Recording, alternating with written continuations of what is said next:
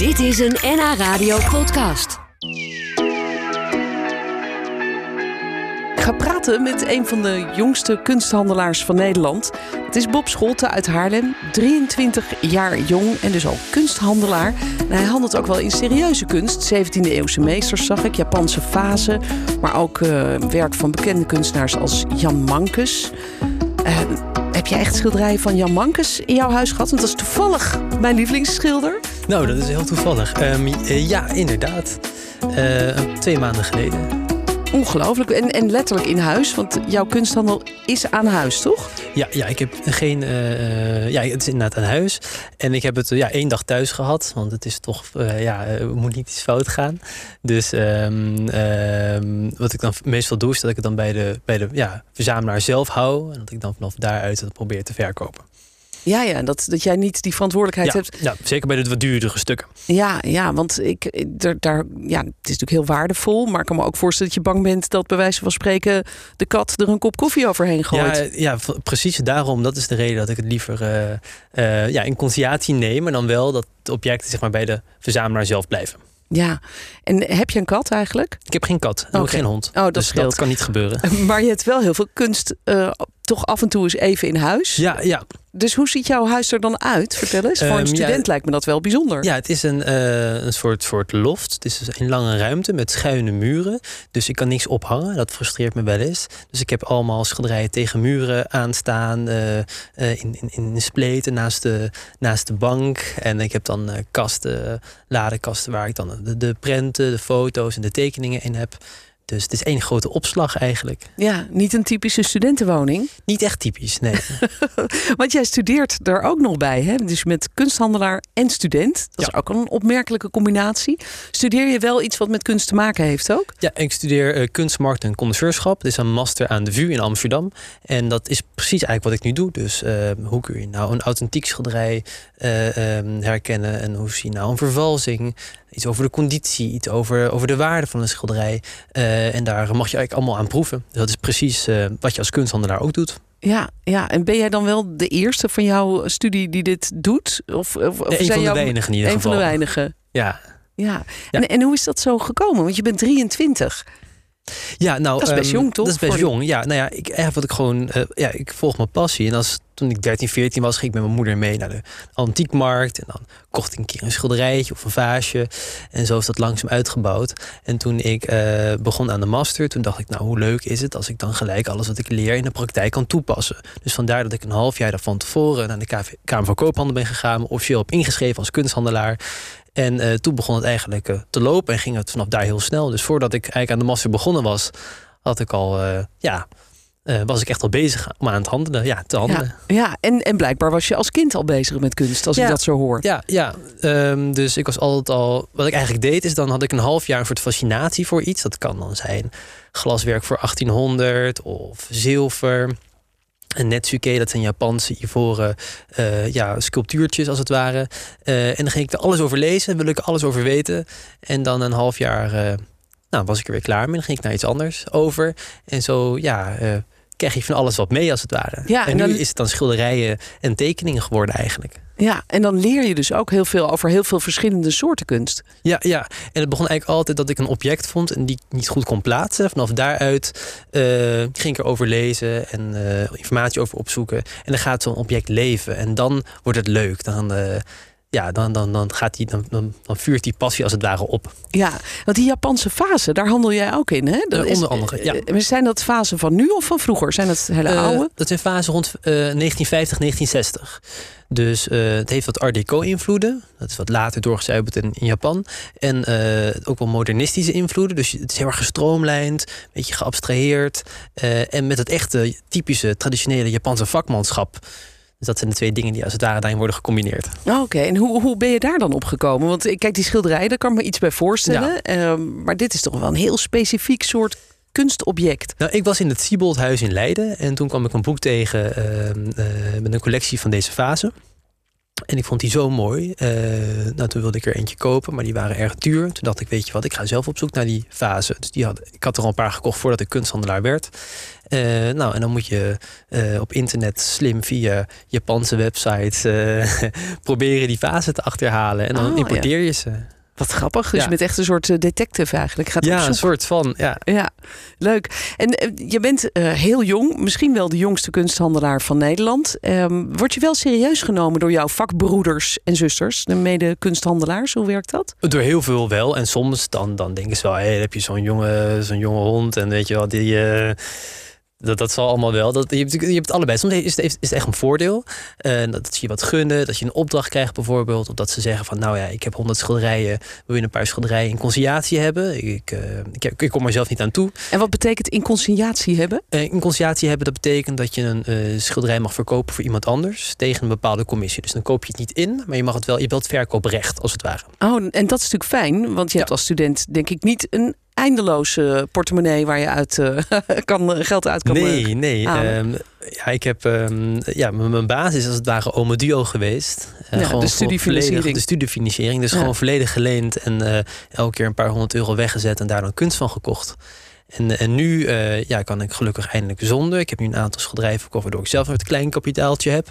Maar ehm, ja, je moet ergens mee beginnen. En ik dacht, ja, dat is de beste lening die je kan krijgen als student. Ja, dat is ook zo inderdaad. Maar wel aardig van die, van die andere kunsthandelaars dat ze jou dus werken gunnen die Ja. jij dan kan gaan verkopen. Dat Ja. is wel bijzonder, toch? Is het een beetje een leuk, gezellig wereldje? Of, of staan heel- jullie elkaar ook naar het leven soms? Nou, eh, het is een heel klein wereldje, dus je, je leert elkaar heel snel al kennen. En eh, ik heb eigenlijk alleen maar positieve ervaringen.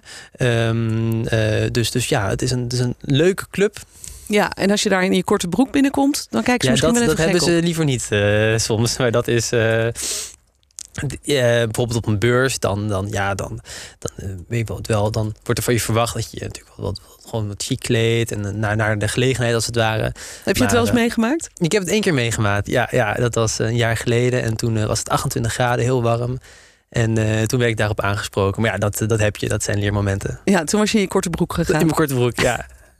En dat was eigenlijk not done, zoals Ja, ze dat dan zeggen. Inderdaad, ja. Ja. Ja. Ja. aan de andere kant kun je ook denken, je trekt er misschien wel weer een heel ander publiek mee.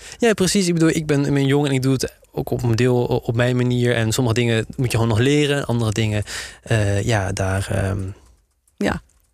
Ja, dat, dat moet je op het moment zelf zien. Ja, zo is het ook. We praten zo nog eventjes verder. En dan wil ik vooral even horen hoe dat gegaan is met die schilderijen van Jan Mankes die jij Ja. verkocht hebt. Ja. En hoe je daar aangekomen was. En eh, ja, jij, handelt in kunstwerken van eh, Paul Blanca, Jan Schoonhoven. Ik zag een paar 17e eeuwse meesters op je site staan, Japanse vazen. Maar je hebt een tijdje geleden ook vier werken van Jan Mankes verkocht. En wie die schilder niet kent, die adviseer ik om vooral even te googlen. Kijk even op internet, want hij maakt hele mooie schilderijen. Maakte, want hij is al nou, bijna 100 jaar dood, denk ik. Ruim 100 jaar. Ja, Over in ruim 100 1920. jaar. Ja. ja, en vorig jaar was er nog een hele mooie tentoonstelling met zijn werk in het Museum Moor. En eh, daar had je een aantal werken bij elkaar. Maar toen begreep ik eigenlijk eh, dat hij niet zo heel veel schilderijen gemaakt heeft. Want hij is niet oud geworden. Hij is, hij is, hij is 30 geworden, geloof ik. Of, Ja, eh, ja, hij is heel jong gestorven aan tuberculose. Ehm, en inderdaad, 2020 was een jubileumjaar voor Jan Mankes. Hij was toen 100 jaar overleden. En toen is in Museum Moor een tentoonstelling geweest. En ja, hoeveel schilderijen heeft hij gemaakt? Ehm, ongeveer 150. Er zijn nog een paar eh, aan zijn oeuvre toegevoegd de afgelopen jaren. Die ontdekt zijn als het ware. Maar het zullen er misschien 160 zijn. Het zijn er dus eh, vrij weinig. ja, en hoe kwam het dan dat jij als net beginnend kunsthandelaar een paar van zijn werken kon verkopen? Ja, ehm, het ging eigenlijk zo. ehm, ik ontmoette een verzamelaar. Die verzamelaar had geen schilderijen van Jan Mankes, maar wel een grote prentencollectie. Met de paarden, de kraaien en de, muisjes. Ehm, en toen heb ik een groot deel van die collectie opgekocht. Die heb ik op mijn website gezet. Toen kreeg ik een, mail eh, na een aantal maanden van een New Yorkse verzamelaar. En die zei: eh, Bob, eh, leuk die prenten, maar die zoek ik niet. Mocht je iemand kennen met een schilderij, dan hoor ik het graag. Ja, eh, die kende ik niet. Eh, vervolgens ehm, eh, werkte ik voor Tableau Magazine op de Pan. Dat is een grote kunstbeurs in Amsterdam. En daar zag ik een schilderij hangen van Jan Mankes. Ik dacht, hé, hey, ehm, Kip, ik heb je. ik heb er een. dus ik stuurde gewoon heel casual dat schilderij door via de mail. Ja. En hij reageerde binnen 10 minuten. En vroeg wat de prijs was. We hebben onderhandeld. En dezelfde avond mocht ik het aankopen voor, voor die meneer. Nou. dus, dus ja, dat zo, zo gek kan het lopen eigenlijk. Ja, en, en is hij toen wel mee naar huis gegaan, dat schilderij? Nee, die heb ik toen ook bij de ook kunsthandel, bij de, kunsthandelaar gelaten. Oh, jammer. dus je hebt ehm, niet de Jan Manke schilderij in huis gehad? Nee, nee. Maar wel tekeningen? Wel tekeningen. Is ook wel mooi. En prenten. En prenten, ja. Ja, wel een bijzonder uh, begin lijkt me. Uh, ja, ja, en dan opeens uh, ja, dan, gaat de administratieve romslomp lopen. Dan moet je een exportvergunning aanvragen. Dan moet de minister een handtekening onderzetten. En dan ja, is hij nu net een paar maanden geleden aangekomen in New York. En hij is er heel blij mee. En ja? dat was de eerste van de, van de vier. Ja, want daarna heb je nog voor anderen ook nog weer... voor diezelfde verzamelaar, oh, ja. Dus toen ging ik rondvragen in mijn, in mijn netwerk. En toen nou, kwamen er nog een paar naar boven toe. En, en daar was je ook in geïnteresseerd. Dus zo, zo gek kan het opeens lopen. Ja, dus Jan Mankes is nu al een heel voor jou een elk van een uh, bijzondere kunstenaar. Ja, ja, Want je hebt toch al vier van hem verkocht. Ja. Ja, en hoe, hoe, kom jij normaal gesproken eigenlijk aan die kunstwerken? Want in dit geval ging het dus eigenlijk in een soort opdracht eigenlijk. Hè? Iemand dat je al benadert van als jij nog eens wat ziet, uh, koop het er maar voor mij. Uh, maar waar ga je normaal gesproken heen? Want ik, ja, dat, er zijn natuurlijk heel veel veilingen, veilinghuizen. Ja, meestal gaat het anders. Dus in, je gaat naar een veilinghuis of je, je kan iets van een particulier kopen, soms ook op marktplaats of via via of je koopt iets van een andere handelaar. Uh, en wat ik eigenlijk probeer, en dat is, dat is ook het leukste, dat is wel ook, ook het moeilijkste tegelijkertijd, dat je naar goede kwalitatieve schilderijen zoekt op veilingen waarvan men niet weet wat het precies is. Dus een anoniem schilderij of een school van, dus bijvoorbeeld Hollandse school. Nou, en als je dan denkt van hé, hey, er zit een bepaalde toets in, eh, kwaliteit in, dan ga je de archieven in, de boeken in, dan ga je schilderij vergelijken. Het leukste is natuurlijk als je dan de naam aan kan verbinden. Als je een schilderij kan toeschrijven aan de kunstenaar. En dat is de kunsthistorisch heel leuk, want dan heb je een schilderij toegevoegd aan het oeuvre van de kunstenaar. En niet altijd, maar meestal neemt het ook toe in waarde. Ja, natuurlijk. Dus dat is, ja. Ehm, ja, dat is de uitdaging. Ja, en dat, de detective werk. ja, ik wou net zeggen, ja, dat is dus echt detective werk. Je gaat echt uh, zitten speuren eigenlijk in de archieven. Eh, heb je dit al meegemaakt? Eh, een paar keer nu. Ehm, dus dan uh, koop je een schilderij en soms weet je al van tevoren dat het iets heel bijzonders is. En dan hoop je dat andere mensen het niet zien, waardoor de prijs niet te veel omhoog loopt. Soms koop je iets omdat je de tijd niet hebt, dan heb je vervolgens een paar weken om het uit te zoeken. En heel vaak is het dan ook niks. Nee. Maar uh, het is een paar keer gebeurd dat het dan wel iets is. Ja, en, iets, uh, iets wat je dan bijvoorbeeld voor 200 euro koopt. Ja, ja, en dat is dan bijvoorbeeld een paar duizend euro waard. Oh, ja, dat is toch leuk? Ja, maar soms ook minder. Natuurlijk andersom. Dan koop je iets voor 1000 euro en dan blijkt het 200 euro waard te zijn. Ja, het is ook een beetje gokken soms. Ja, ja, ja, Maar, maar het, kan een leuke aanvulling zijn op je studiebeurs. Laten we het zo zeggen. Zeker. Als het allemaal mee zit. En je, en je doet een goede oefening op voor later. En als je later groot bent, wat, waar, waar ben jij dan, hoop je? Wat wil je bereiken? Nou, over drie maanden hoop ik afgestudeerd te zijn. En dan ga ik gewoon door met wat ik nu doe. Um, en ja, ik zal graag aan een aan, uh, misschien over vijf jaar over, aan beurzen mee willen doen. Misschien uiteindelijk een eigen kunsthandel willen hebben. Dus niet aan huis, maar echt gewoon een eigen zaak. Uh, maar dat is allemaal toekomstmuziek. Ik doe gewoon uh, op het moment wat ik, wat ik leuk vind. Ja. En dan zie ik waar, waar ik kom. Dit was een NH Radio podcast. Voor meer, ga naar nhradio.nl Radio